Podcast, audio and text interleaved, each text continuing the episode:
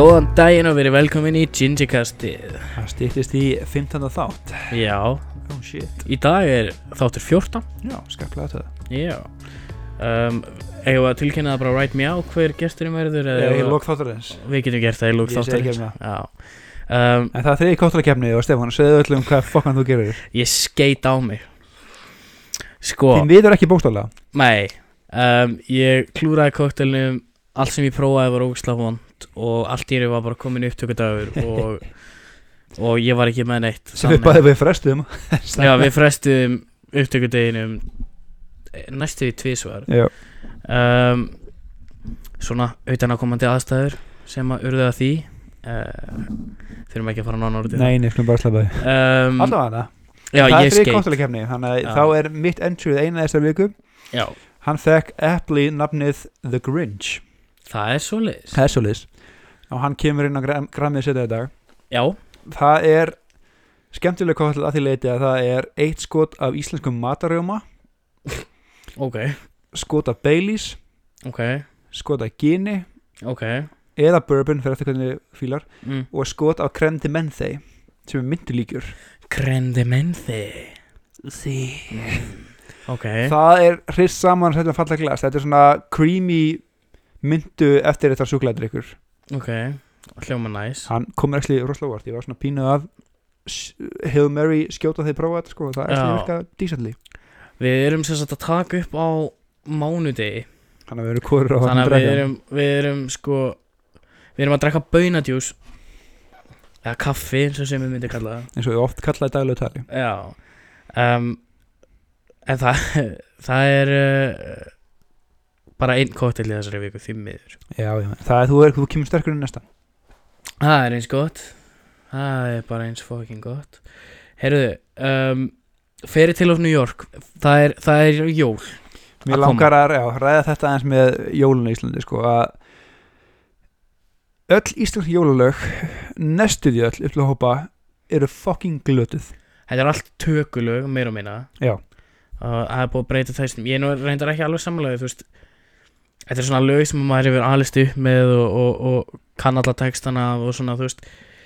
Ég, mér finnst mikið af þessum lögum skemmtilega en ég skil hvað nú ert að koma. Þetta eru þetta er ekkert sérstaklega, þú þú þarft ekki að vera frábær tónlistamæður Þetta er 80% kókulög, meira að minna. Já, þú þarft ekki að vera frábær tónlistamæður til að búa til þessi Nei, Þessi líka, þessi sko íslenski listamenn grenjaður stefkjöldum okkur og síðan komið jólin og þá bara stela þessu lög, þú, þú gerði ekki neitt. Þú bjóst ekki til þú þú þýtti textan, þú ert bara íslengufæraðing, ekki tónlistamann Já, það er reyndar alveg rétt sko en, en ég fæ alltaf svona hlýja tilfinningu í, í hérsta en þegar ég, þetta, þetta sko fór langt yfir strikið það sem kótan sem fylgdi mælinn var ég heyrði þýðingu á án nokkuð sefa besta jóla allar tíma The Fairy Tale of New York með The Pokes. Ég heyrði íslenska þýðingu að því. Og þetta var, svo kannski spyrði þig, var þetta svona bakkalús þýðinga sem var gert grín? Nei, þetta var beinþýðing. Eða tilhörn til þess. Um, Ég hef aldrei heyrt þessa þýttu útgáfu og ég ætla mér aldrei að heyra þessa þýttu útgáfu. Fairy Tale of New York er vissulega besta jólulega allra tíma ég nefnilega, ég, þetta byrjaði, það held að vera svona bakkalútur eitthvað, fuck jólin. Mm -hmm. nei, ég hlusta þetta, ég held, er, sko, ég náði ekki að hlusta alltaf því að ég blakkaði út að reyði Já, en ég reynda, ég, mér heyrði þetta að vera beinþýðing á fair, þú getur ekki beinþýtt Fairy Tale of New York. Nei, þú mátt það bara ekki. Nei, Það eru sum lög í heiminum sem þú snertir ekki. Þú ætlar ekki að fara að gera cover til dæmis af Bohemian Rhapsody. Þú gerir það, það mun ekki. einhver reyna að sjá lofa Já, já, alveg öruglega, en þá ert þú bara fáið til að hafa gert það út af því að þú bætir ekki fullkomnun eða breytir ekki fullkomnun. Og of New York er fullkomna fullkomulag. Og það er líka, þú veist, þetta er svo það er Let It Snow, er fullkomna það er auðvitað að taka það. Það kæsti taktur, ekki Mhm. flókin texti.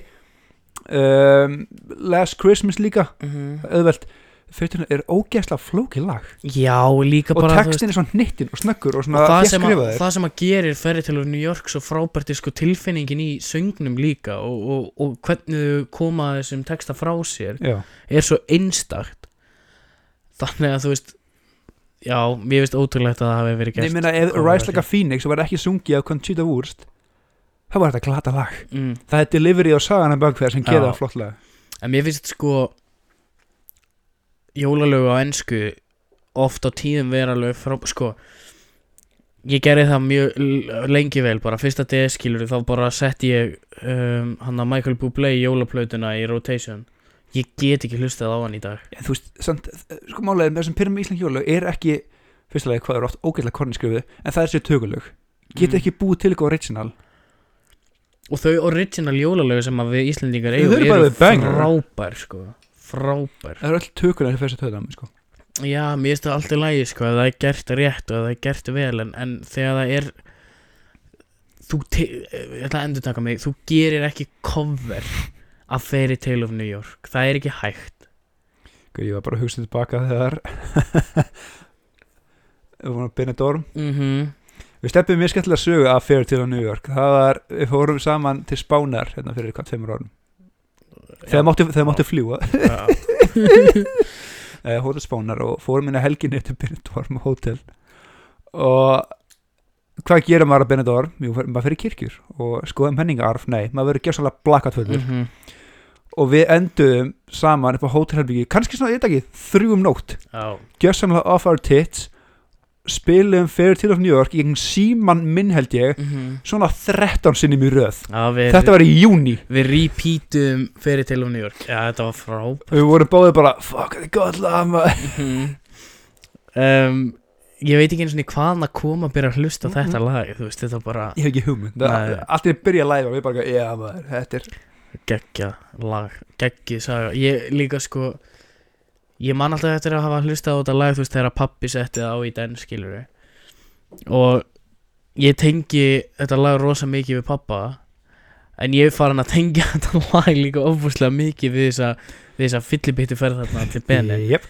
sem er líka fyrir að segja, þetta gerst í júni það var ekkert jólalegt við þetta. Nei, nei, þetta var bara, það, var, það voru ekki Það voru ekki nýbúin jól Það voru ekki að fara að koma jól Þú veist, þetta var bara eins eins asnalega langt frá og hefði geta verið þetta hlusta bara á, ég veit ekki, þú veist, sumarlandið eitthvað núna?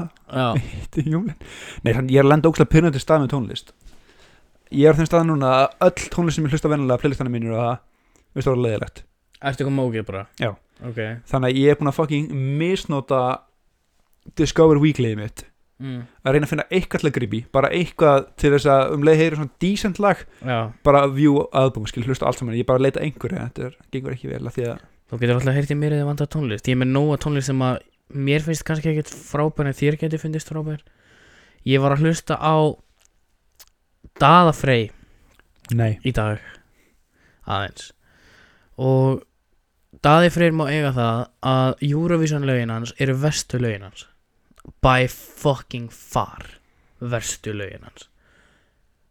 Og ég ætla ekki að fara svo langt að segja að þetta sé alveg tónlist sem að ég sé sjálf að mig hlusta á alveg endalaust.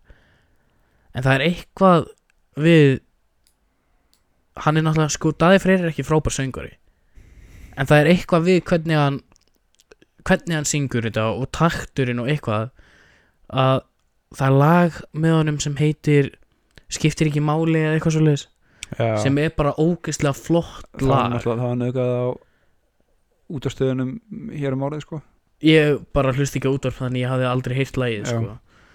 þannig að þú veist ég, Ég ekki, það gerði eitthvað dans, eitthvað TikTok-dans held ég við eða eitthvað, var Já, já.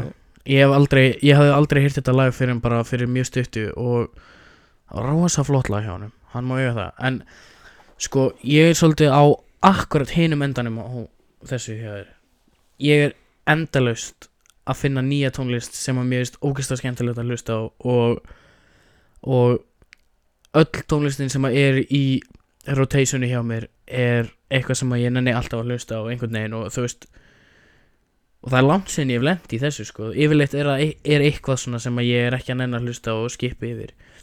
En rotationi hjá mér hefur verið rosalega ég held að sé líka það, hefur verið svo fjölbreytt sko. Já.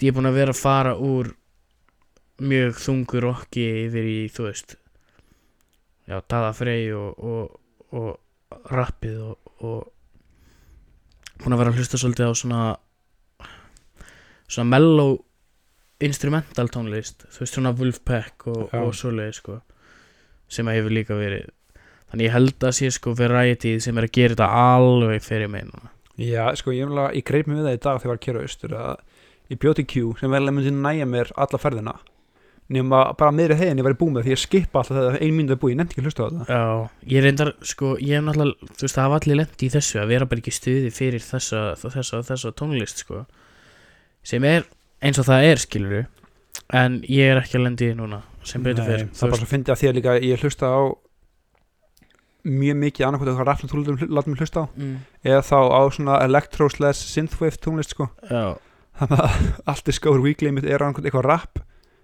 eða þá eitthvað ógeðslega spes töluleika tónlist já, þú veist, þannig að þú færið út af Discovery Weekly náttúrulega beisar það á því sem þú ert að hlusta og þá færið Já. ekkert út fyrir það og það er kannski svolítið það sem þú þarf Eða, ég, var svona, ég fekk, búin að fá tvo demanta hinga til þannig að ég búin að fá eitthvað, þetta búin að gefa mér eitthvað en ekki eitthvað Já. mikið Discovery Weekly finnst mér vera líka rosalega misjæmt á milli á milli Vikna. vikna, Já, sko stundum, stundum færðu frábæran playlist og stundum færðu ömulegan playlist þannig að það er svona eins fjölbreytt og, og tónlistin er mikil sko. Já, en ég var einmitt að leita mér svona, ég veit við sögum nei við þessu við jólakótturlunum en ekki áramóta, að leita mér inspo fyrir áramóta kótturlunum okkar. Mm. og mér langar að segja eitt, ef þú ert með einhvers konar uppskriftasíðu og þú ákveður að hafa 1400 blaðsina rítgerð um söguna bak við þetta og pop-up ad og myndbandum um uppskriftina, þá fucking hata ég þig ég, er hvað svo, ert að gera? ég er svo fokkin ó ég þólið þetta ekki. Ég skil að fólk þarf að monetæsa skilur Já, en af, af hverju er þetta baksug? Ég þarf ekki að vita uh, frænga Já, ömmuðunar á hvað gerði þetta alltaf á sumrinu þess vegna tengið þú þetta alltaf við sólaseit mér er alveg sama. Þarf það sem hvernig kukur ég að baka þarf það sk þarf það skrolli gegnum sko tíu pop-up ads til þess að komast loksins á uppskriftinni. Já, ég þólið það ekki. Þegar ég er að og ég lendi aðalega í þessu þegar ég er sko ekki að baka eða gera koktela heldur þegar ég er að elda. Já, það er alltaf einhvern fucking fairy tale bak alltaf við þetta. eitthvað þvílíkt leiðilegt dæmi. En sko eins og ég segi, þú veist, ég skila að það þarf að monetæsa þetta, þú veist að sitja uppskriftir á netið og svona, en þú veist, fyrir má nú fucking vera, Já, þú veist, þú veist, þetta er þú þarft ekki tíu ads. þarf, ég ég bara þarf þetta að vera foodblog, gerðu skriftina Mér er sama, in, in 1922 my grandma já, found out that if you add cube, mér er slett sama Sýndu bara hvað, 99 hvernig bringur þannig að gera 99,99% af fólki er drullu sama sko. Já. það er Það er ekki að nota sögunni Nei. sko. fólk er ekki að leitast í þínar uppskriftir út af sögunni um, hérna gaman og minnist á samt þetta ég er búin að vera að hugsa svolítið nýlega sko á netinu bara þú veist öllum heimasíðum og svona þú veist sér þessar típisku auglýsingar þú veist bara á MBL eða vísi eða eitthvað. Mm -hmm. og mér finnst vera að færast í aukana núna að sé að vera að auglýsa au- auglýsingar frá fyrirtækjum einmitt sem að við höfum talað um. Þannig að þú veist treykingafélög Það pott síma Síma fyrirtæki sem og svona þú veist. Og ég er búin að vera að pæla sko út af því að þú veist það var allir lent í þessu að þú ert nýbúin að vera að tala um eitthvað og það poppar upp. Jep. er, heldur þetta sé það að það sé verið að hlusta á það sem Já, við erum að segja? 100%. Nei, út af því að ég held að sími minn skilji ekki tryggingafélag sko, orðið tryggingafélag. Pottið sko. Um, eða heldur að ég sé að taka meira eftir þessu út af því að við erum búin að vera að tala um Nei, þetta? Ég- eða heldur að sé að blanda af báðu? Við, test, ég man við testum þetta Já, já, ég hef testað þetta sko. Og ég, og þetta, Þetta, þetta, er svona Þannig ég held að það sé alveg nokkuð advanced speech to text eða bara speech recognition. Ég held að þetta hlusta okkur sko. Ég hérna talaði um við mömmu sko, ég hef einu sinni talað um það við mömmu að ég var að segja henni frá ég var eitthvað að velta fyrir mér hvernig það myndi virka svona teeth whitening kit. Skilur Þú þú veist veist það er svona 65 ads fyrir þetta fyrir það Nei, og svo bara fyrsta auglýsingin sem ég sá þegar ég fór á Facebook var teeth whitening kit. Mm -hmm.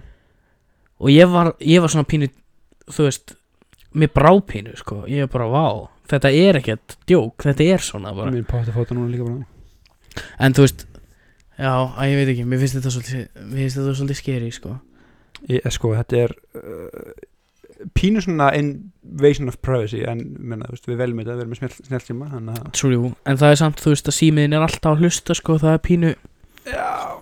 Og sko, nýja uppdatið hjá Apple, við erum svo fyndið.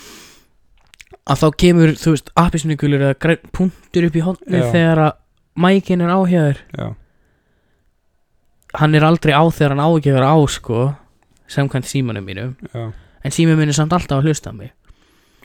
Þú veist þetta er eins og með þú veist og ég ætla ekki að segja það út af því að þá poppar síminn minn upp með eitthvað kjæftæði en ef ég vek hérna uh, AI í símanum mínum þú veist uh, S-E-R-I já, þá þú veist að geta alltaf sagt þú veist hei og nafnið Jep. og hún poppar upp. Það segja ég bara það er alltaf verið það er alltaf verið að hlusta. þetta er bara aðsökun til þess að gera það sko. Já Það er lútaði algjörlega. aðstofmann Við erum Já. alltaf ekki að taka allt sem hún segir og selja. Nei, við erum aldrei að gera það. En talum að selja? Ég kemur það? Það er- Vá!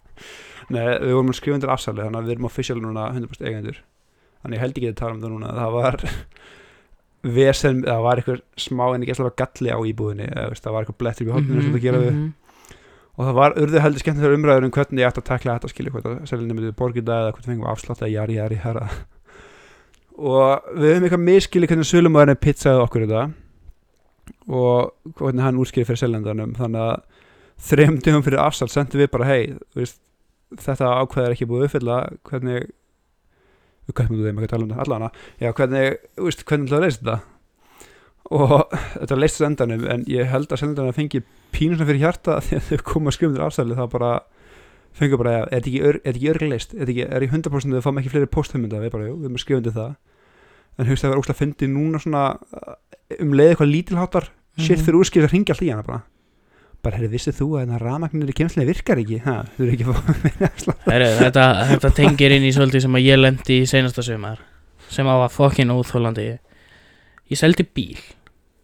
Uh, af ensisin losaði það en loksins. Já, lo, ég, ég seldi hann sem sagt og það var kona sem að kefta hann og svo þú veist einhverjum einhverju viku setna eða eitthvað þá sendir hún mér eitthvað að bilað eitthvað glata.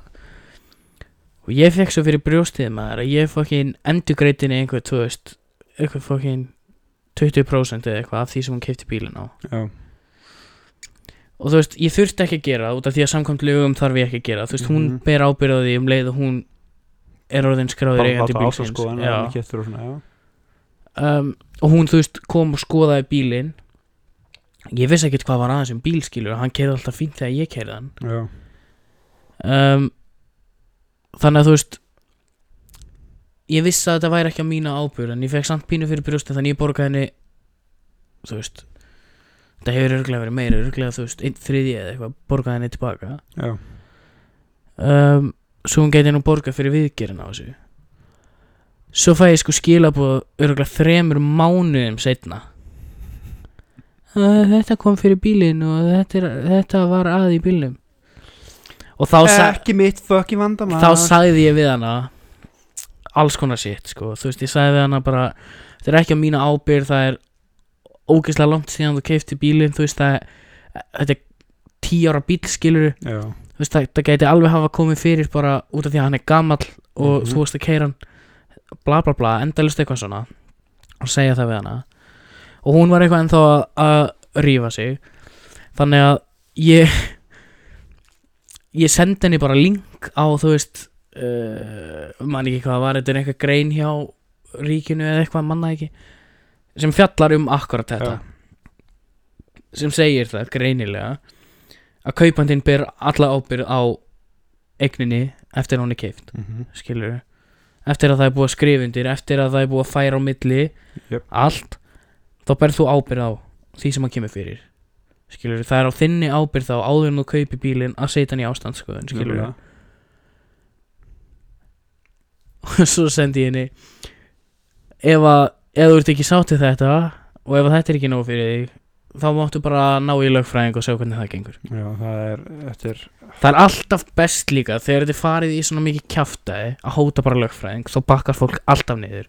Út af því að í 90% tilfella þá hefur þetta fólk engan rétt á þetta sér er bara stælar oft. Þetta bara já ég meina þú veist ég sko ég skal gefa það ef þú kaupir bíl og hann brotnaði niður einaði vik út af einhverju sem var augljóslega langtíma af Mhm. þá skil ég pinningin skilur en sex mánu setjum hefur hjólið en datta af bara hver Já, hefur ekki átt að fá hérna vera að gera donuts á bílastæði Já. þú varst að gera burn, burnout húsasmiðinni hefur Já. Nei, sko, það sem að pyrraði mér svo rosalega við setni skilabúin var að ég var búinn að borga henni tilbaka sko einn þriðja af því sem hún kefti bílum fyrir fyrir eitthvað sem ég hafði ekki hugmynd um að væri að, til Mhm. dæmis og þú veist, þetta var eitthvað uh, eitthvað með kælivökvan eða þú veist, eitthvað með kælinguna á vélinni eða eitthvað skilur mm og þú veist, ég var bara að kæla bílinn stutt að vegalengdi skilur aldrei, aldrei neitt komið fyrir. Þannig ég, ég, ég borgaði henni tilbaka. Og geta og hafa svo þú veist máttin í að koma aftur. Það er ballsy. Já, þú þarft að vera sko svolítið já, þú þarft að vera svolítið down bad til þess að sko þú veist, ég var góði gæinn að borga þér þetta tilbaka og veita þér skilning skilur, jú, þetta er ömulegt að lendi í þessu hérna, já ok, líka þú veist, þetta er svona stutt síðan þá er þetta að fara rauk fyrir því að þetta hafi verið undirleikandi þrín mánuður, þú veist hvernig ætlar að sanna að það er augljóslega að þú hefði vitað að þessu? Nei, menn að segja, ef þú setur þetta bara upp sem, þú veist, máli í, í réttasal skilur það Já. er ekki eins og niður dæmt í málinu Máli er bara, málinu er bara hent út þú veist. Það, það, það, það, þetta hefur enga rétt á sér. Nei, held ekki sko. þetta var veist. mjög þinn case allan Já. Þú veist og líka bara þegar þú ert að kaupa gamla bíla það er alltaf ákveðin það er alltaf áhætta sem að fylgja því. Og þú veist, auðvitað var bílinn ekki frábæra ástandi þú veist, ég var að selja hann af uh, tveimur ástæðum. A, ég var að koma úgeð á honum. Og B, þú veist það var hitt og þetta sem þurfti að gera við skilur það var brotið framljós til dæmis. Já, og ég bara nefndi ekki að fara í það að skipta um það. Þú veist, og það hefði kostað mig alltaf mikið pening að láta skipta um það. Þannig að þú veist, ég bara ákvað að selja bílinn. Já, og ég bara, þú veist já, og svo að fá þetta svona tusku í smettið og bara að reyna að vera góði gæðin, veita skilning skiluru og fá sko svo tvær tuskur í smettið á sama tíma, þú veist, þrem mánuðum setna þetta var pínu bara vá hvað sem fólk er ítla gefið. Ég bara uh, vantar svona pínu eitthvað- awareness. En það er bara, já, eh, bara common sense skilur þetta er prófið honum að kynna þreim Já. eftir á. Já, hver, ég, að fá svo í töðunar á mér maður. Ég líka bara þú veist ég var bara búin að gleyma þessum bíl skilur ég var búin að gleyma bara að ég hafi selt hann þú veist, ég var ekkert að pæla í þessu þú veist, það liðið svo langt. En samt eftir að ég fekk fyrstu skilabóðin sko þá var ég samt með það á bakveg eira sko hún á öruglega eftir að senda mig skilabóð einhvern tímann aftur. Þreim ára og setna bara hæ, hérna ég Djöfull. skynni vel, vissu að þetta skynni vel að djöðlir ég brjálaður maður. Nei nei hún múkaði ekki eftir að ég hótaði lögfræðing. Eða þú veist ég hótaði því ekki en ég sagði henni þú veist ef þú heldur að þú hafir eitthvað meiri dýr þá nær þú í lögfræðing. lögfræðingur þú veist, ég var ég, ég er ekki ég er ekkert eitthvað rosalega ég er ekkert frábælega uh, indislega velgefin ekkert eins og þú. En ég átta mig samt á því að ef að hún væri með eitthvað meiritt á baku þetta og ég er að neyta þessu þá annarkvort getur hún kært mig að hætti þessu væli. Já, þetta er, þetta er, eins þetta er gamall þetta er ekki Tesla, þetta er gamall bíl sem Nei, hann er ekki tí- hann var, hann var, hann var 15 ára þegar ég sel hann. Skilur hvað ég meina? Þú veist uh, Þú tekur á- kortir í shitbox þú, já, þú tekur áhættu og svo þegar þú er búinn að taka áhættuna þá getur ekki bara endalaust fallið tilbaka þú veist, einhverjum mánuðum setna bara, já, þeirri manstu þannig að þú seldi með bílinn? Já, nei, eiginlega ekki. Já, það þetta er að. Sprakk dekk. Skemmtur, skemmtur Vissi, þú sagði mér ekki að þetta veri eldri dekka bílinn bara. Við hverju fucking mjóstu Nei sko, ég seldi hann með nýjum umgang af bremsum á nýjum dekkjum. Veist, eina sem að var sem að ég vissi að væri að bílnum var að það var brotið fram í ljósa á hann mm -hmm. skilur láttu ástandskóin það er ekki en afsökun fyrir að Nei og þú veist og þrátt fyrir það hún, þó að hún hafi ekki látið hann í ástandskoðun þá er það samt common sense að tveimur mánuðum setna á 15 ára gömlum bíl á tveimur mánuðum getur eitthvað komið fyrir. Dö já, Meir líkur en ekki að það gerist. Þannig að þetta var svona þetta er alveg Skemmtilega bílaðendur já, En ég var að átta með einum daginn eða svona fekk þá hugdettu mm, að sko 8 tíum ef maður er, í stórum vínahópum mm þá geta jólin verið pínu pain in the dick. Já, það er skilur 5-6 manns eða eitthvað eða bara 4-6 eða eitthvað eða allir að gefa jólagjafir eða eitthvað þú veist þá er það svona alltaf kringum 3k eða ekki meira á kjaft. Og Já. er alltaf komið bara 20 skall sem mhm.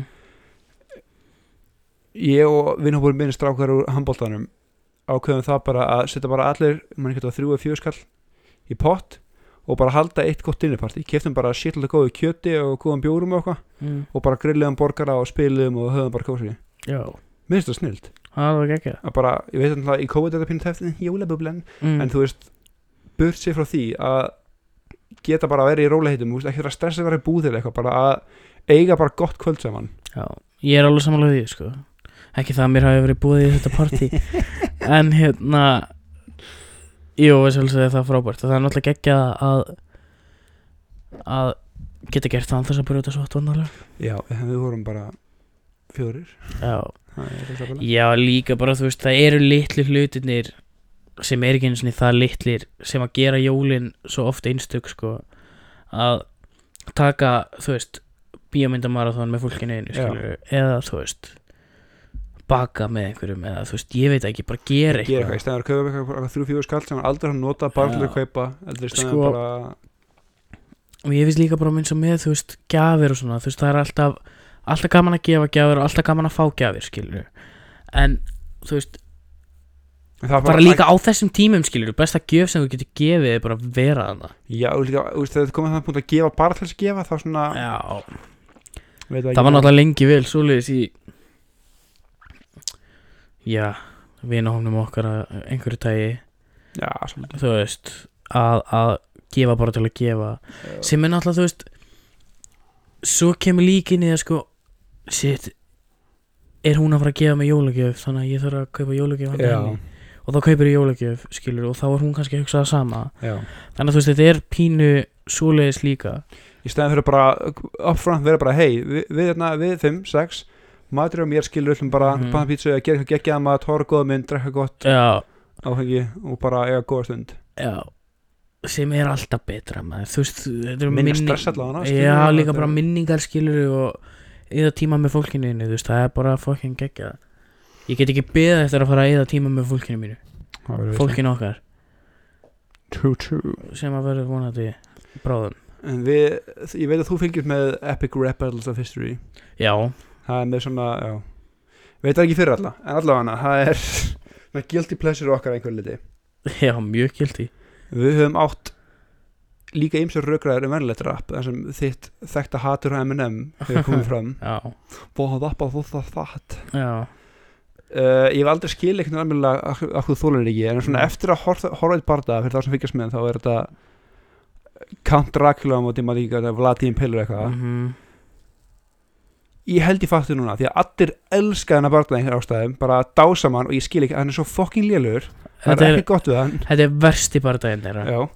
En þannig að ég, svona, ég skil hvað það kemur bara þegar hæpið er það mikið og fólk neitar að hugsa fyrir sjálfa sig og í staðin fyrir að bara svona já það er einn góð líni í þessu og þetta er svona auðvist þá Já, ég bara bara, þú veist að bera þetta saman við M&M náttúrulega meika líka sens en það, ég sem, að, það, sko. sem að pyrra mig svo rosalega mikið við bæði þennan rappall og náttúrulega M&M er ekki bara það að mér finnst tónlistin leiðileg skilur og M&M, ég ætla ekki að taka það frá honum á tvær ef ekki þrjár góðar plötur og fullt af góðum lögum skilur já, en mest megnis af því sem hann hefur gefið frá sér nenni ég ekki að hlusta á skilur og það er út af þessu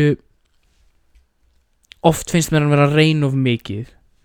Þú veist hann er að rappa hratt um ekki neitt skilur og fólk er bara eitthvað wow, wow, hýrður hvað hann sagði mörg orð á sekundu.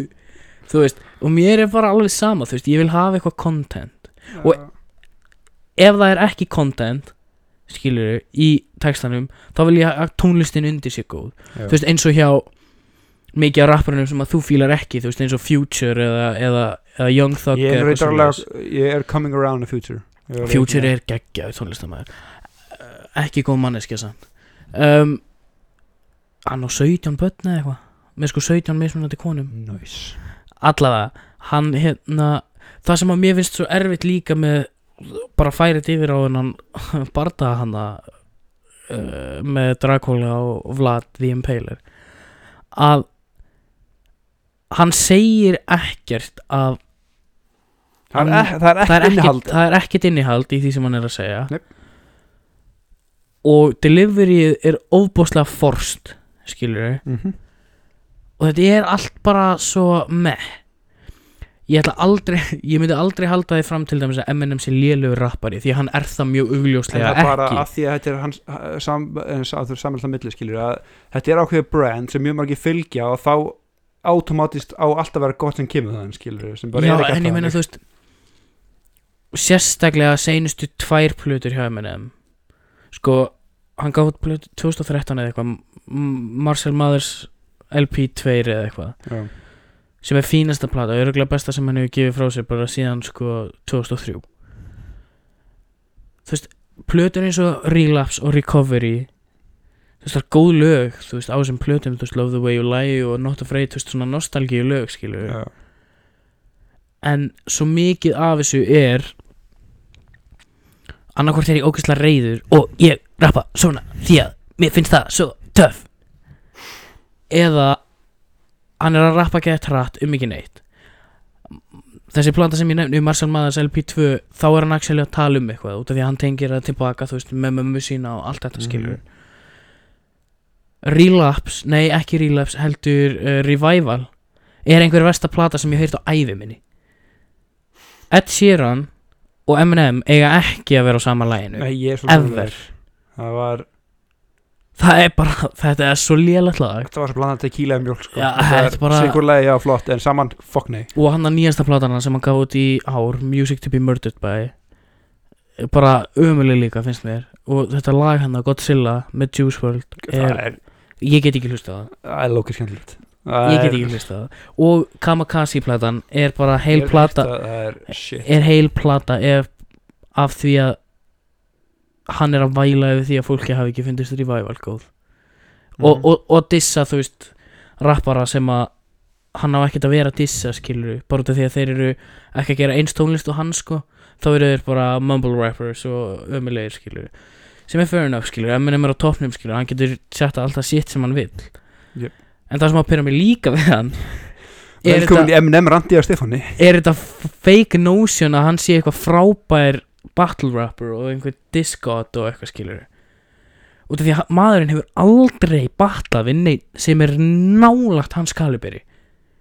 Hvorki í sko hvorki í sko stærð þú veist, það var að tala um bara plötusölur og fleira eða bara ability Machine Gun eftir sem að Singer Kelly sé ekki hans level eða? Machine Gun Kelly á ekki breyki Eminem nema það að Machine Gun Kelly er hávaksnari heldur en Eminem. Það er eina sem hann hefur yfir hann. Að pika fæti gæja eins og Machine Gun Kelly og Benzino og Cannabis og, og þú veist þessi gæja sem að bara hann á ekki að vera fucking dissa. True. Cannabis er góður rappari skilur hann, þú veist don't get me wrong en hann hefur aldrei tekið neinn á sem að er alvöru. Hann hefur aldrei tekið á Nas eða eða Jay-Z eða þú veist einhvern uh, Kendrick eða Pusha T eða þú veist eitthvað. Það er alltaf bara eitthvað hmm, já Machine Gun Kelly. Hann syngur ógsláft ég ætla að gera diss-track um hann ég ætla að svara hans Þetta er alltaf, hann, hann velur targetið sinni vel. Já, það. mjög vel. Og þetta er, það þetta, mjög þetta, vel, sko. þetta, þetta er frábært publicity fyrir hann. En mér finnst það svolítið pyrra mig með að hann sé eitthvað svo hakalugur battle rapper. Þú veist hann fucking battle rappaði við gæja sem hann var editor of magazine skilur. Ah, frábært. Já, jöp. Sangjant Já, mjög. Gaur, Coco Ég var að horfa á hann um daginn. Oh, svo góð mynd. Sko, mér langaði að grenna svo tík þegar ég horfa á hana Fuck. Geir hún er svo góð hún er svo falleg. Ég ætla alveg að við ég, ég, ég grenjaði sko. Æ, ég grenja, ég tára Ég táraðist og því Marja hjá mér þá táraðist ég þá þorði ég ekki grenja. Ég, ég ég tárast mjög oft yfir bíómyndum en það var, þetta var eitthvað öðruvísi með Coco sko. hún er svo hún falleg hitta maður. henni allar rétti nótundar það var svolítið, mér finnst það líka með, hefur þið séð Inside Out? Já. Það er viss atrið í Inside Out sem að ég var bara fucking, þegar hann að ímyndaði Yep, vinum þegar eitthvað Yep. Bobo. Take her to the moon for me. Mhm. og yep.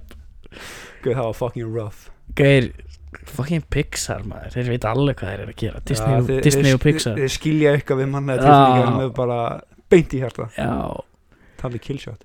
Nei, gaur, ég er samt fór að pæla að úst, eins og þetta með þessi mexiskósa hefðarna setja upp myndir af látnum aðningum mhm. væri það úst, cultural appropriation að myndi gera á Íslandi skilur við Nei, ég held ekki, ég held að þetta sé meira svona þú eitthvað veist, kvístar på Twitter sem var ósamanlega sko, en Já, já, hvítu stelpunar og Twitter veit ekki neitt. Sko, ég veit ekki hvort það er cultural, cultural appropriation og það er kannski ekki okkar að segja. Nei, líka ekki. En Sko það meina ég að genuinely skilur mér, ekki finnist, einhverju djóki, mér, mér finnst það kannski vera þú veist meira svona homage skilur já, það finnst þetta falleg hefð skilur já, það finnast þetta falleg hefð og taka hana upp. Já. cultural appropriation væri að taka þessa hefð upp og láta eins og þú hafi fundið hana upp. Skilur og og gera hlutina þannig að þú hefur ekkert merit fyrir skilur eða gera þetta að labba með sombrero alltaf bara? Já, það er svona, já. Það er the cultural appropriation? Mér finnst það, já, mér finnst það svo cool no- mér finnst það miklu fallegur nósinu þetta er bara, já, öll saman er himnríki nei, mér finnst skemmtilega einu svona dag, nei, einu svona ári geta allir koma á hitmann, skilur já, mér finnst það rosalega hljóma miklu fallegt. meira lit heldur en mér finnst það rosalega fallegt og mér finnst líka bara að Deus de Morte eh, þú veist, þetta er ég veit ekki þú veist, er þetta ekki allt hann að tengt í Cinco de Mayo og Já, ekki, gaur, ég ætla ekki að þykast þetta, sko. En, þú veist, það var einhver það var uh, The Dark Tourist á Netflix, ég veit ekki hvort það hafi séð það Nope. en þá fer hann sagt, hann fer á svona alls konar staði og, og upplifir alls konar hefðir á mismunandi stöðum í heiminum og hann sem sagt fer og upplifir þetta í Mexiko sko. Og svo rosalega mikið lagt upp með þessu og þetta er svo þetta er bara í þeirra blóði þú veist, þau gera þetta bara. Bara, þetta er svo st- sterk hefð, sko. Já, þannig að þú veist, mér, mér finnst þetta rosalega flott og mér finnst Mm. líka svo gaman að sjá, þú veist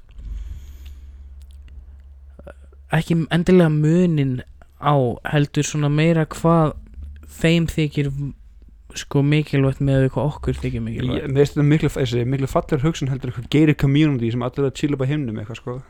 Já, algjörlega og þú veist, það er náttúrulega bara líka það er miklu meiri skáldsaga heldur en hitt sko. True. Hitt eru bara, þú veist, æjavarska upplifanir. Sem einhver geti debatað að séu alvörunin Já.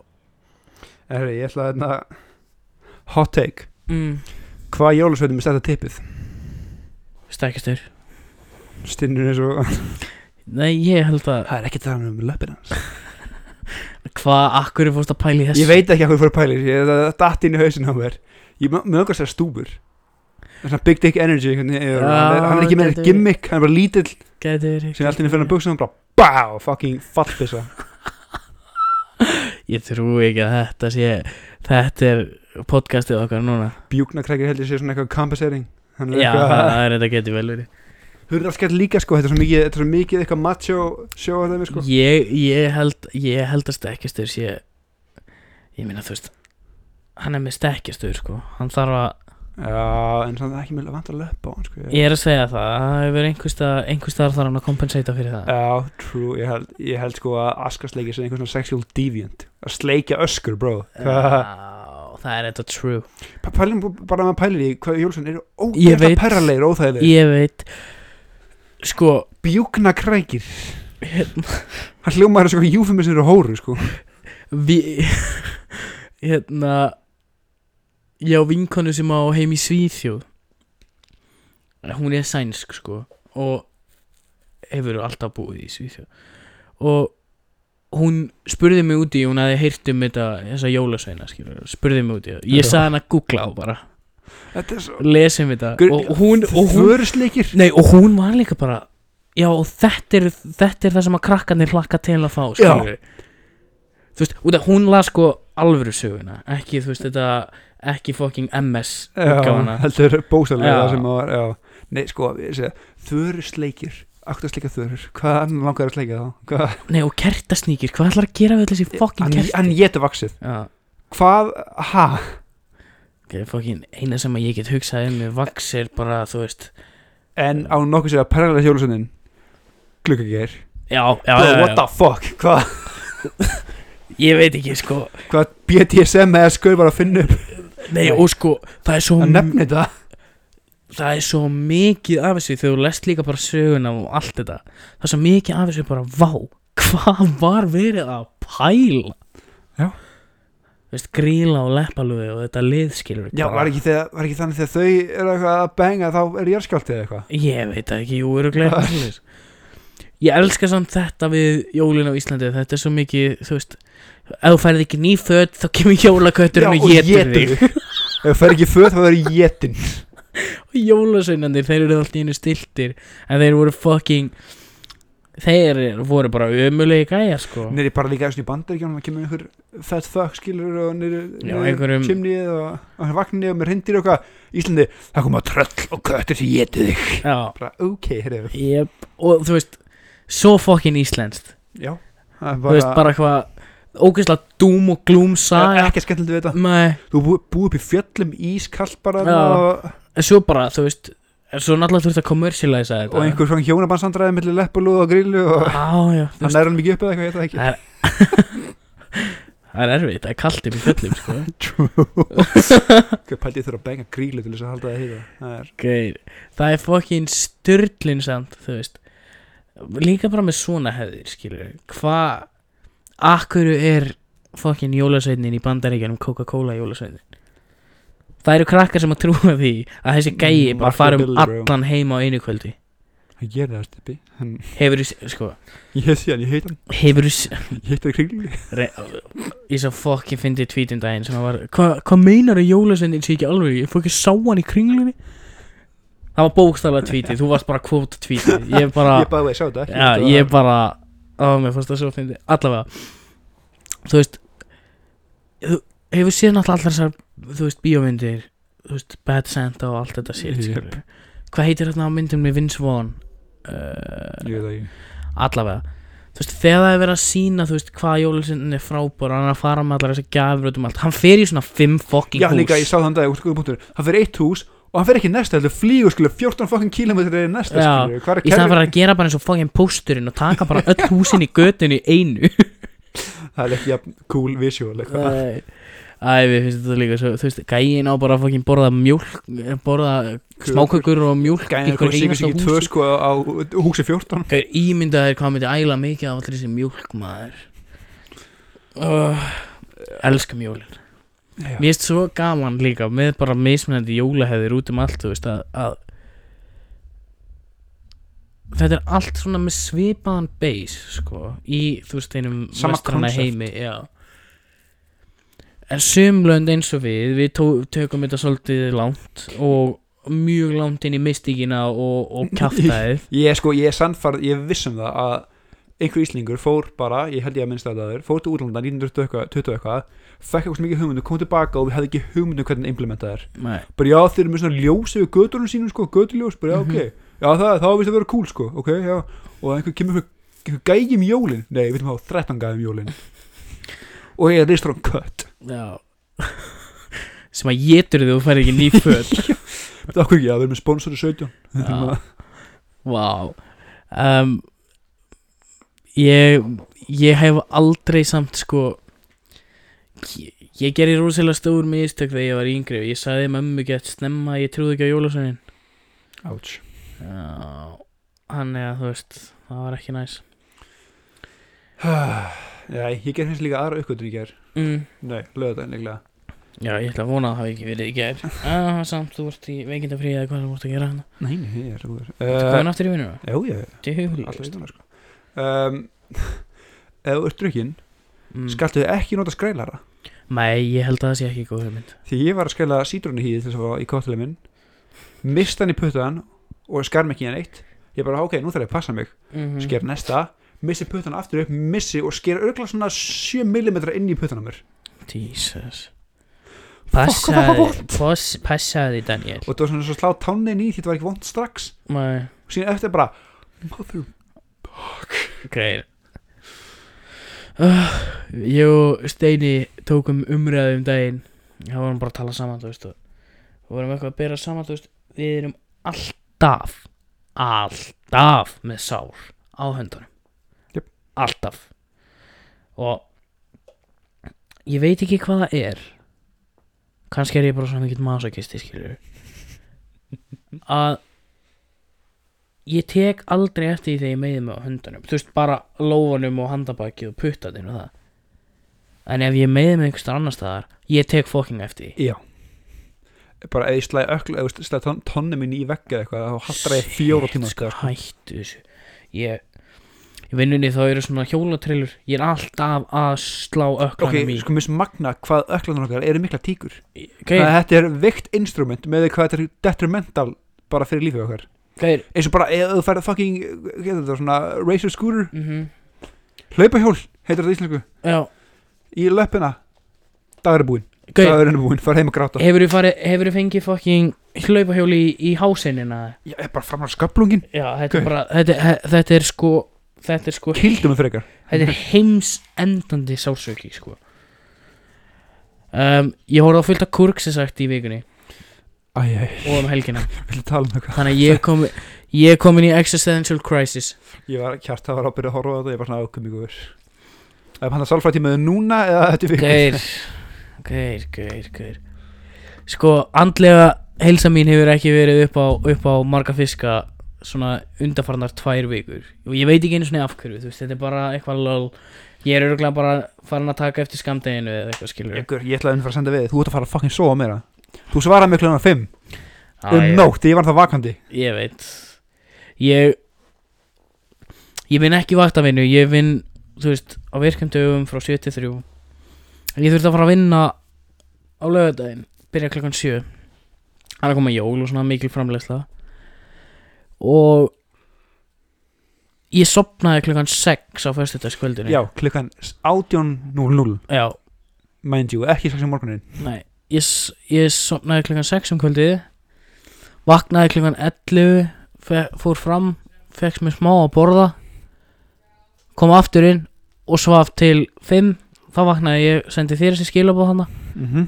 svo svaf ég til 6 ég, Ég fekk líka skilubúin, ég var bara gaur Ertu að andtaka það? til svona hálf ég svaf svo til svona hálf 7 þannig all in all þá hef ég sofið öruglega sko 12, kannski 13 tíma þú veist að ég veit ekki hvort ég hefði sofnað klukkan 6 þú veist 18.00 eða þú veist 17.00 ég veit bara að ég var átt þegar ég var komin heim eftir að fa- hafa farið í vinnuna á ríki og eitthvað. Já, ég veit ekki hvaðan þetta kom en ég var bara gjörsamlega búinn á því. Ég held að þessi sko blanda af svona low key bara skamdeginstунglindi og, og ekki fullkominni andlegri líðan og líka bara að ég er búinn að ofgera mér í vinnunni sko. já þú ákveður að bæta kúrskisaft og hana þetta. Þetta er ekki svona bensinveldi, þetta er fucking Daniel, hvað sko. veistu hvað, Úran þegar ég sopnaði þannig á föstudagskvöldið þá var ég að horfa á kurksisagt sko. Hvað er Þannig þú að? sopnaðir ekki, heilið það bara, slett slett á hann, slett á hann Já. Nei, sko, kurksisagt er besta, eitt af bestu channelunum á YouTube. En það sem þú mátt alveg bóka Ef þú horfir á ómikið af kurksisagt vídjóum Þá ferð að pæla allt og mikið alheiminum Já. Og ég er búinn að vera svolítið í því um, Og ég, ég veit ekki hverju ég geri mér þetta út af Því að hvert einasta skipti sem ég horf á eitt kurksisagt vídjó Þá verð ég að horfa á fleiri já, og, þá ertu komin svo aftur veist, og ég er að lendi í örugglega fimmta, sjötta skiptið þar sem ég fer í bara existential crisis. Þetta er svona bara eftir að horfa á númurum bídju, labba fram bara, þetta er góður að, nei, nei, alheimur springur eftir 5 miljard ára, það tekur þess að lifa. Já. ok. líka bara þú veist við erum bara fokkin annarkvort erum við fokkin eini í heiminum eða ekki og við munum bara aldrei fá að hitta hina aðeilana og þú veist þetta er bara umlegt og Ég reyna að forða sér það með þessu heitanaldin Ég vil bara, ég elska kursi ignorance is bliss. Ég ætla bara að vera sko, það eru líka þessi það eru líka þessi vídeo sem þeir hafa gert um skilur consciousness, consciousness. Mér langar ekki að pæla svo mikið í þessu. Og, og allt þetta. Og maður er bara þú veist ég horfi á þetta og svo og undantekningalögst eftir vídeoið þá spyr ég sjálf mig, akkur var staðið þessi? Þú veist hvernig þið líður mér er þetta bara, mér líður betur þetta. Nei, það ekki að horfa þetta. Svo, svo var eitthvað vídeo hann hjá þeim vídeo sem þið gerði mjög snemma sko, sem að var svona ekki svona exis- existential eitthvað veist, svaka Já. pælingar. Og þá var ég á endkartin á vídeonu þá var vá, okkur tókst að gera vídeo sem að gerði ekki þunglindan like. Sem Þetta er var- mjög sjaldgæft. Sko, já, bara eins og vídeo bara What happens after death? Maður bara, nepp, nei, nei, nei, nei, Ég ætla ekki- að skemma fokkin vikunum nei, sko. Ég líka bara líka bara, þú veist, allt þetta með uh, þú veist geimverur og, og Við alheiminn tókum þetta rabbit hole þetta. síðustu viku Stefán hann sem við verðum ekki að fara í þetta aftur. ég bara, ég verð svo mér veist þetta svo interesting ég get ekki hægt þegar ég byrja og svo bara svo er ég bara veltandi fyrir mér hvort það sé þess virði að vera til þú veist. Já, leiðu, leiðu, leiðu er píu og leiðsöpu í stæðan verið að gera þetta það er betur fyrir hann til heilsuna en long term. Samt svona í alvörunni uh, bara svona til að vera real hreinskilnir, við erum, við erum frægir fyrir það. Frægir, við erum fræði fyrir við erum alltaf hreinskilnir. Ég er ekki búin að vera þú veist nógu hress andlega undanfarið. Ég veit ekki akkur það hefur verið, það er bara búið að vera þú veist, erfiðu mánuður svona til að byrja með sko og þú veist svo hef ég lent í þú veist tveimur svona pínu skellum skilur ekkert alvarlegum skellum en skellir sem hafa samt algjörlega kastað mér út af brautinni þú veist hvað var þar andlega hilsu Langar að ræða þessu skalli nei, ekki ofinbarlega Ekki ópenbarlega um, þannig að þú veist og, og hafa verið þú veist, það hefur eitthvað hefur verið eitthvað sem að kannski er ekkert það merkilegt eða það mikilvægt. En, en bara, ef maður er En- nú óstabil já, ég var bara greinilega sko. nægilega óstabil fyrir að þetta var bara þetta eðilaði fyrir mér helgina sko. Ég var bara down and out sko.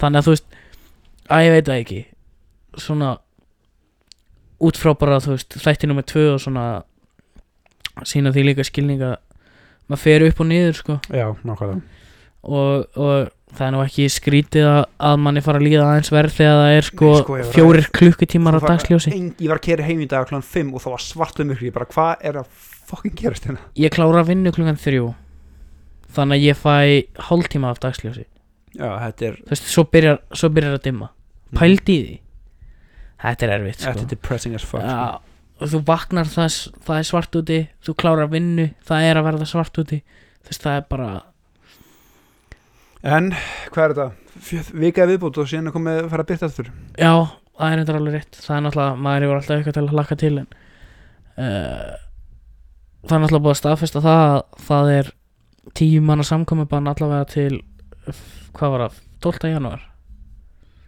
Já, Já. þannig að þannig að þú veist það verði engin partí eða neitt. Blik, blik, djók, nei. Nei, þannig að þú veist þetta er svona. Já, ég segi, við höfum haldið út í viku og þá er farin byrtan komin aftur. Já, já, svo líka bara þú veist ég get ekki beðið bara hreinskilnislega get ég ekki beðið eftir að komast í smá frí sko.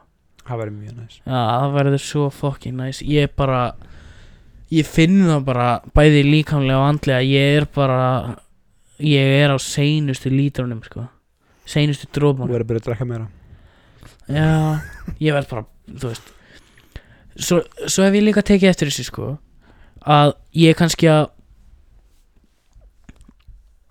sofa, þú veist, ég fer að sofa kannski klukkan 11, þú veist, ég á að mæti vinnuna klukkan 7 og ég vinn, þú veist, það tekur mig tvær mínútur að keira í vinnuna. Uh, ég er að kvílast ágætlega en samt alltaf undantekningalust þegar ég kem heim úr vinnunni þá langar mig að fara að leggja mig. Undantekningalust það er bara, bara eftir vinnu, ég er bara búinn á því bara andlega, líkamlega, you name it. Það var að þegar þú opna bjór og ferði fútbol mann Það er á, ég þurfti að gera meira af því. Ég var ég er samt alveg að missa það í fútbolmann sko. mestum að gera það gott. Já, ég bara þú veist, ég á ekki til orði yfir þessa leikmenn mína. Er eiga að tilkynna gest þáttarins næstu viku? hvernig væri það, heyrðu Ég ætla allavega að setja upp premissið sko. Þú mátt tilkynna gestin Það verður hún Marja mín? Ætlar að kíkja í þáttulegar Ég er strax svona kvíð með þetta En um, Konan hans Daniels maður. Já um, hún, hún verður gestur Við þurfum að gefa henni svolítið langan fyrirvara Hún er mjög Hún er skipulög hún er skipulög já. Mjög skipulög Hún má ég það. Og hérna Hún þurfti svolítið svona að fá að vita um hvað væri verið að fara að tala og, og fleira. Um, Premissið verður sem sagt að ég ætla að leggja spurningar fyrir þau hjúin. Þetta er fokkið hræðilegu mynd sko. Þetta er Mér finnst þetta, mér finnst það eðislega mynd sko. Daniel áttur enda innleipur Ég sé að vilja upplifa break up live on air Það Að Ég ætla að spyrja þau spurningar sem að þau þurfa að svara á sama tíma. Svo ætla þau að senda mér spurningar sem að vera sagt frá þeim um þau sjálf sem að hinnaðilin á að svara. Og svo verður stigakerfi og fleira. Og við eigum eftir að tala um hellinga öðru, öðru sétti líka en við ætlum að búa til smá leikur þessu Já. sem verður mjög, mjög skemmtilegt. Samkvæmt leikur fyrir það vinnur enginn. Nice, ok. Jú, ég vinn True. Ég vinn svo mikið. Ég vinn svo mikið. Um, Hérna Það er ekki í lægi hvað ég er í litlu jólastuði þrátt fyrir að ég segja að við elskum jólun og allt þetta. Ég er ekki neinu sko. Ég er ekki- ekki ég er búinn að hlusta- ég er búinn að velja það að hlusta á eitt jólalag. Þú veist ég hef sett eitt jólalag á Spotify það var færi til og Jú, nýjar að væntanlega. ég er ekki búinn að horfa á eina jólamynd. Ég geri það alltaf. Við horfum á Christmas Carol eða anda, Andabær dæmi þarna Scrooge McDuck The Ghost of Christmas Past stuðmynduna, ó hún er svo fucking góð. Gaur, ég geri það alltaf þegar það er að koma jól. Ég horfi alltaf á fucking jólamynd. Yep. ég veit ekki hverju, ég er bara ekki búinn að vera upp for it. Við tökum það sem ræði næstu besti jólamyndunar. Já, við gerum það ég er ég er með sterkar skoðanir af því eins og öllu öðru. Það sjálfsög um, Plata vikunar ha, Ég segi þetta með plötu vikunar Já, Ég, ég er held aldrei þessi vant með Excel með plötu. Ok, þá mátt þú byrja. Er byrja? Ég var bara uppgötan um daginn. Ok. Og hún heitir Invaders eftir Hollywood Burns. Ok. Þetta er uh, synthwave-ish tónlist sem er mín uppáhalds, instrumental synthwave Ok. Og- hún er svona jaðarar á tölvuleika tónlist og það sem ég elska við tölvuleika tónlist er að hún er hönnuð til þess að fyrir bakgrunnum með fókusur og annað. Þannig að fullkomið nótana þegar maður er að forrita eða þegar maður er að keira eða gera eitthvað annað sem þarf þess einbendingar Já. Þannig að mér smýð það alltaf að hafa þetta í bakgrunn en Invaders, geggjuplata. Ok um, Ég er svona Mér finnst ég alltaf uh, Ég er alltaf að láta fólki hlusta á eitthvað rock sko. Ég ætla að breyta því aðeins núna um, Plata vikunar hjá mér Er Man on the Moon með Kid Cudi. Alright. Um, Í tilefni þess að Kid Cudi var að gefa út Man on the Moon 3 uh, Núna bara senasta föstudag. Ég er ekki búinn að ná að hlusta á hana alveg. Um, Man on the Moon 1 er kekkjuplata Það hafa allir heyrt lög af henni eins og, eins og Day and Night. Uh, Og Já, bara Kid Cudi geggjaði tónlistamæður og, og á, áskilið recognition frá, frá Gingy-kastinu True. En svona áður en að við lokum þessum þætti henni í, í, í kvöld og í dag og á þessum fallega vonandi þriðju degi þá langaði mig aðeins að spyrja þig. Um, og þú þarft ekki að svara þessu frekar en þú vilt sko. Hvað finnst, finnst þér vera ég, ég fór alltaf inn að hugsa um þetta út af því að það var að vera að tala um niðurstöður úr, úr svona könnunum í grunnskóla. Finnst þér vera finnst þér þetta vera nógu marktækur hópur til þess að taka kannanir á til þess að fá alvöru niðurstöður? Fara eftir bara hvað er verið rannsaka sko.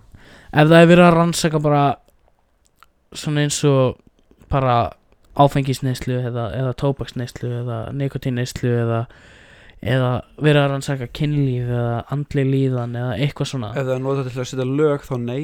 Þetta er ekki margt þetta fyrir, þess- fyrir lagasatningar skilur en fyrir viðmið um einhvers konar reglugerð eða eitthvað þá myndi ég svona kannski hafa til hliðsjónar. Út af því að ég fór að pæla í þessu bara út frá þú veist mér og þér og bara fleirum þú veist. Ég ætla alveg að segja það þú veist að ég svaraði öllum þessum könnunum bara hreint út skilur, ég svaraði bara eins og ég var skilur, Já, ég gerði það aldrei. Ég, alltaf ekki bara eitthvað. Já, þannig að og það, þú veist, fullt af fullt af fólki á okkar skóla Mhm. hefði, uh, gerði það líka, alveg 100% mér datt í hug sko að er hægt að taka eitthvað mark á því sem að kemur út úr svona kannunum og ef já hvað ætti svigurúmi þá að vera? Við finnst svona ef hún er að skafa ákveðna outliers út úr þessu þá held ég að þú getur tekið marka á svona ákveðnu þáttum að það sko út af því að mér finnst mér finnst oft vera sko niðurstöðunar úr svona kannunum vera settar upp sem svo mikið gospel sko. Já, það er ekki alveg. Að að það er ekki mér finnst aldrei vera þú veist prífisað það að þú þarft að bara hei, heitir 15 ára krakkar að svara? Já, þú veist gefðu þér fá ekki að kjósa ástæðu. ge- gefðu þér 10% af svigurum sko. Ég líka, að þú þurfa, ég þess að segja, þetta fyrir eftir því hvað hún í. Ef að helmingurinn af krökkunum segja að þau hafa riðin í skáp skilur kannski læsi skápnum. Já, en fyrir lagasendingu var þetta áfengi eða negatív, nei, þetta er ekki reliable source skilur, nei, fyrst mér allan persónulega. Líka bara út af sko því sem við töluðum um með nikotínpúana um daginn sko að þú veist það er ekki Ég líka að nota þá þessar rannsókn til þess að rétt alltaf það að sk skatleggja eða eitthvað kjæftæði vörur sem eru hanna fyrir þetta er svo ógeðslega heimskulegt. Ég líka bara þú veist að það er svo mikið að þú veist krökkum sem að þú veist þú ferði svona þú veist að sita við hliðin á félögunum skilur að ha ha ógislega fyndið að svara já, Já, hér og, og, og svoleiðis. Ég meina, ég var börnandi hér á hann fyrir minni kannun sko. Já þannig að þú veist þetta er ekki æ, mér finnst þetta svo skrítið hvern, sko mér finnst frábært að það sé verið að gera þessar kannanir og, og að vera kannski svolítið með því að já liðinu, sko. og líka bara með því svolítið að gera sér kannski grein fyrir líka sérstaklega með andlega heilsu að en sko eina vandamáli mitt við þetta er hvernig þessu er komið frá sér svo Já, en líka bara eins og einn úr þriðji krakka segja sér byrja svona kynlíf þá er það kannski fínt viðmið til þess að einmitt ebla kynfræðslu eða hafa auki aðgengi að getnaðvörnum eða fræðsluvaran þetta Já, skilur að ég meina þú veist þannig að það þarf að bæta í kynfræðslu ég veit að skilja en bara að segja nota þetta viðmið til að bæta skólakjöri já, algjörlega. Nota þetta sem grunn, uh, sem stóð fyrir einhvers konar lagasætningu sem á ekki að hafa áhrif á krakka, nei, Já, eða sko rök, nota þetta sem rökstuðning sko. það er ekki málið. Þetta, þetta, á, á að vera viðmið til þess að bæta aðstæður skilur skólakrakka. Ekki sem gospel fyrir eitthvað allt annað sko. það er bara, bara 15 ára krakka að byrja að veipa þá skulle setja meiri pening á veip bara af hverju? Já. Þetta er bara svona já, um, góð pæling samt. Já, æ, ég bara ég nefnilega skil bara stundum ekki hvernig, þú veist, sem þessu liði er við stjórnvölun á einhverju sem að, það er líka þáttur út af sig. Já. Það er algjörlega þáttur út af fyrir sig uh, talandi um þætti þá er þessum að ljúka. Já, uh, það er geggjaði þáttur í næstu viku. Góður, já. Það er veisla. Uh, ég hugsa að, að ég þurfa að hella vel í Daniel þanga, svona fyrir þann þátt. Ég er ekki sem þessi góð ég held að það sé geggju hugmynd fyrir mig og hlustendina. Já, ég held ekki ekki fyrir mig að vera eitthvað svona Já, ég held það. Um, En allavega þá bara þanga til í næstu viku þá vil ég þakka ykkur kærlega fyrir að hlusta. Að ég frábæra dag